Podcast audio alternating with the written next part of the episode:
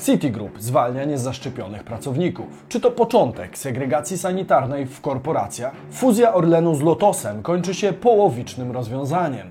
Część własności Lotosu trafi w ręce węgierskiego MOL oraz saudyjskiego Saudi Aramco. Co to oznacza dla rynku paliw w Polsce? Tarcza antyinflacyjna 2.0 wchodzi w życie od lutego, a certyfikacja Nord Stream 2 przesuwa się o kolejne miesiące. Dokąd zmierzał pieniądz w tym tygodniu? Zapraszam na Bizweek.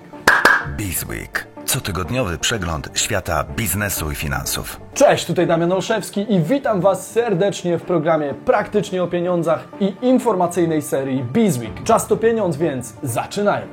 Citigroup zwalnia niezaszczepionych pracowników. Citigroup to ogromna i popularna korporacja zajmująca się usługami finansowymi. W ostatnim tygodniu mieliśmy do czynienia z kontrowersyjnym komunikatem tej firmy, o czym w skrócie poinformowałem Was kilka dni temu na moim Instagramie. Pamiętajcie, że tam bieżące informacje otrzymujecie co dwa dni, więc warto zaobserwować. Pod koniec stycznia Citigroup zamierza zwolnić pracowników, którzy nie zaszczepili się na koronawirusa i nie otrzymali na tę okoliczność zwolnienia z przyczyn religijnych lub medycznych. W październiku firma informowała pracowników o obowiązku zaszczepienia i wyznaczono datę 14 stycznia na przedstawienie dowodu pełnego szczepienia przeciwko COVID-19. Pracownicy, którzy nie wywiążą się z tego obowiązku, zostaną wysłani 15 stycznia na bezpłatny urlop i zwolnieni z pracy 31 stycznia. Z dostępnych informacji wynika, że ponad 90% z 65 tysięcy pracowników Citigroup w USA wywiązało się z przyjętego w firmie obowiązku szczepień. Zastanawiałem się nad strukturą prawną takiego posunięcia i konsekwencjami dla korporacji. To znaczy, czy jest to kwestia, którą pracownicy masowo mogą podciągnąć pod dyskryminację i wygrać w sądach? Otóż okazuje się, że nie będzie to wcale takie proste, a ktoś z Citigroup dobrze to sobie przeliczył i widocznie wyszło mu, że w końcowym rozrachunku taki ruch będzie dla korporacji opłacalny. Otóż zauważmy, że powstały obowiązek wynika z wewnętrznego regulaminu firmy, która ma również obowiązek zapewnienia pracownikom komfortowych warunków pracy i bezpieczeństwa dla ich życia i zdrowia. Nie wchodząc w detale związane z samym szczepieniem, podejrzewam, że może być to koronny argument w przypadku rozprawy sądowej z byłym pracownikiem. Poza tym, przy tak dużej organizacji liczy się statystyka. Ponad 90% osób pracujących w firmie to osoby zaszczepione. Tak więc sprawa dotyczy zdecydowanej mniejszości załogi. To oznacza podjęcie ryzyka na poziomie 10% osób, z których część jednak się zaszczepi w obawie przed zwolnieniem, część pogodzi się natomiast z utratą pracy, a zaledwie ułamek spraw wyląduje w sądzie. Tam z kolei wyrok będzie w dużej mierze zależał od osobistej opinii sądu lub dominującej w państwie retoryce. Citigroup jako duża korporacja ma za co się bronić, a ewentualne straty związane z niewielkim odsetkiem spraw przegranych są już wkalkulowane w ryzyko. To z kolei oznacza, że skoro oni nie boją się takiej decyzji, to najprawdopodobniej w przypadku innych organizacji, kiedy tylko odsetek osób zaszczepionych przekroczy pewien pułap, możemy spodziewać się podobnych decyzji. City przetarło jedynie szlak. Warto również zaznaczyć to, że zwolnieni pracownicy mogą ubiegać się w przyszłości o inne stanowiska w przypadku respektowania polityki szczepień przyjętej przez Citigroup. Pytanie tylko, czy pracownicy zwolnieni w ten sposób będą jeszcze w ogóle chcieli pracować w przyszłości z tą korporacją. Inne wielkie firmy z Wall Street, jak na przykład JP Morgan czy Bank of America, przynajmniej na razie nie nakładają na swoich pracowników takiego obowiązku i jedynie zachęcają swój personel do szczepień oraz proszą o informowanie o statusie zaszczepienia. Fuzja Orlenu z Lotosem ograniczona. W środę PKN Orlen poinformował w raporcie o zakończeniu prac dotyczących wdrożenia środków zaradczych wynikających z warunków decyzji Komisji Europejskiej w sprawie przejęcia przez PKN Orlen SA kontroli nad grupą Lotos SA. Fuzja Orlenu z Lotosem zbliża się wielkimi krokami. PKN Orlen ma stać się ogromnym koncernem multienergetycznym, co umożliwi firmie znacznie silniejszą pozycję na arenie międzynarodowej oraz dalszy rozwój. Odcinek na temat początków fuzji i problemów wynikających ze strony unijnych urzędów antymonopolowych omawiałem już ponad rok temu w tym filmie. Warto do niego powrócić, jeżeli ten temat Was ciekawi. Aby fuzja doszła do skutku, PKN Orlen musi spełnić warunki narzucone przez Komisję Europejską. W związku z nimi nawiązano współpracę z firmami MOL, Saudi Aramco oraz Unimod.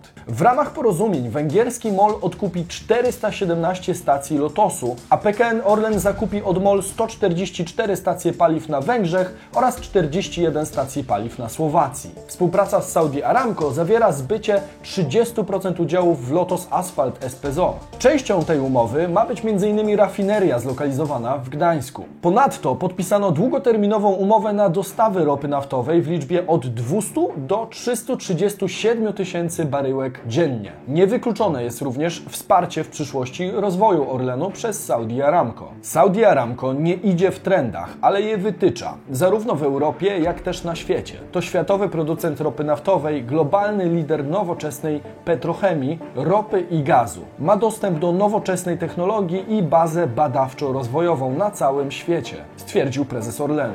Łącznie za udział w rafinerii w hurcie i w paliwach lotniczych Saudi Aramco zapłaci Orlenowi 2,1 do 2,2 miliarda złotych z uwzględnieniem długu. Gdyby Saudi Aramco zdecydowało o wyjściu z inwestycji, Orlen ma zagwarantowane prawo pierwokupu udziałów w rafinerii. Unimod kupi 100% akcji Lotos Terminale, czyli 9 baz paliw oraz działalność asfaltową. Unimod szacuje, że przejmowane aktywa dołożą do jego biznesu 70 do 100 milionów złotych EBITDA rocznie. Poza tym, jak podkreśla Adam Sikorski, korzyścią będzie dywersyfikacja przychodów, którą uważa za wartość samą w sobie. Jak dalej ma wyglądać strategiczna kwestia dla rozwoju największej firmy Europy Środkowo-Wschodniej? Orlen do 14 stycznia musiał złożyć wniosek do Komisji Europejskiej o zatwierdzenie środków zaradczych. Komisja nie ma wyznaczonego czasu na rozpatrzenie tej sprawy, ale sądzę, że nie będzie to więcej niż dwa miesiące. Następnie poznamy wyceny i parytety. Rada Ministrów będzie musiała wyrazić zgodę na głosowanie za na walnych zgromadzeniach. Potem odbędą się zgromadzenia. Przejęcie Lotosu zostałoby zrealizowane w czerwcu-lipcu, poinformował Daniel Obajtek. Dajcie znać w komentarzu, jeśli chcielibyście zobaczyć cały odcinek o konsekwencjach fuzji w kształcie wyznaczonym przez Unię. Czy Waszym zdaniem Europa powinna ingerować w interesy państwowych spółek w Polsce? Tarcza antyinflacyjna 2.0 wprowadzona. Ważną informacją w tym tygodniu było przegłosowanie tarczy antyinflacyjnej 2.0. Zgodnie z poselskim projektem nowelizacji ustawy od lutego do końca lipca 2022 roku do 0% ma spaść VAT na żywność i napoje objęte obecnie stawką 5%. Z obecnych 23% na poziom 8% ma spaść stawka na benzynę, gaz LPG czy olej napędowy. Rodzina 2 plus 2 na obniżce podatku VAT od do zera na żywność oszczędzi około 53 zł miesięcznie, mówił w czwartek w Sejmie premier Mateusz Morawiecki. Jak dodał, obniżki podatków dla rodzin korzystających z samochodu mają wynieść około 48 zł miesięcznie. Rodziny korzystające z prądu i gazu jednocześnie, w zależności od tego, czym ogrzewany jest dom lub mieszkanie, zaoszczędzą od 65 do 200 zł miesięcznie, podkreślił premier. Podczas wtorkowego posiedzenia Sejmowej Komisji Finansów Publicznych i Komisji Gospodarki i Rozwoju wicepremier Marta Kitli poinformowała, że rządowa tarcza antyinflacyjna spowoduje obniżenie inflacji CPI przejściowo nawet o 3,4%, a w ujęciu średniorocznym inflacja CPI w tym roku powinna być niższa o około 1,2%. Reasumując, zmiany podatkowe mogą pomóc obniżyć inflację w krótkim okresie. Natomiast istnieje problem z oceną wpływu tych zmian na inflację w 2023.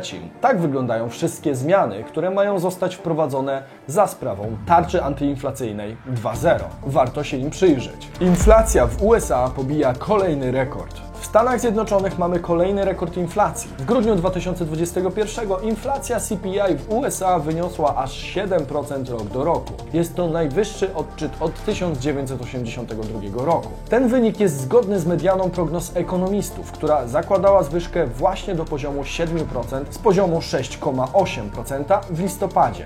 W ujęciu miesięcznym listopad do grudnia wskaźnik ten wzrósł o 0,5%. Opublikowane w środę dane są znacznie powyżej celu inflacyjnego Fedu, który jest na poziomie 2%. Ponadto według ekonomistów inflacja jest również rozkręcana przez rozwijającą się presję płacową. Warto tutaj wspomnieć, że stopa bezrobocia spadła do najniższego od 22 miesięcy poziomu 3,9%, co oznacza, że sytuacja na rynku pracy jest bardzo dobra. Prognozy zakładają, że szczyt inflacyjny został prawdopodobnie osiągnięty właśnie w grudniu lub dojdzie do niego w marcu. Ponadto amerykańskie władze monetarne deklarują, że są gotowe zrobić wszystko, co konieczne, aby wysoka inflacja nie utrwaliła się. W moim odczuciu jest to kolejna zapowiedź niedalekiej podwyżki stóp procentowych w Stanach Zjednoczonych.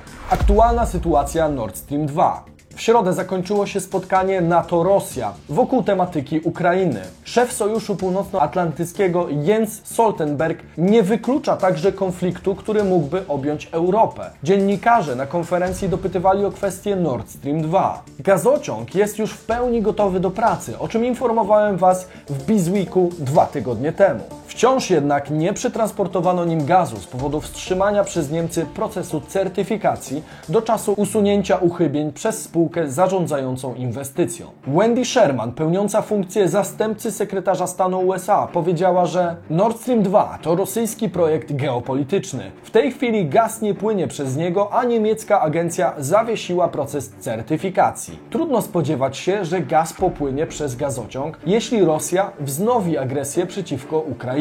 Ponadto oznajmiła, jasno powiedzieliśmy Rosjanom, że jeśli Rosja ponownie najedzie na Ukrainę, poniesie znaczące koszty i konsekwencje ponad te z 2014 roku. W czwartek doszło do głosowania w Senacie USA dotyczącego nowych sankcji wobec Nord Stream 2, przygotowaną przez republikańskiego senatora Teda Cruza. Ustawa DUSA, proponowana przez Cruza, wymagała 60 głosów do przejścia głosowania i otrzymała 55 przy 43 głosach sprzeciwu. Ponadto ustawa Cruza zakładała możliwość odrzucenia weta prezydenckiego w razie sprzeciwu. Celem ustawy było doprowadzenie do odwieszenia sankcji na podmioty zaangażowane w Nord Stream 2. Polityka republikanów sprzyja Polsce, lecz niestety Większość demokratów odrzuciła propozycję Teda Cruza i wybrała propozycję Boba Menendeza, która przewiduje sankcje w przypadku ataku Federacji Rosyjskiej na Ukrainę. Przewidywany termin certyfikacji Nord Stream 2 ponownie się wydłużył. Gazociąg ma dostać zielone światło do działania do połowy 2022 roku.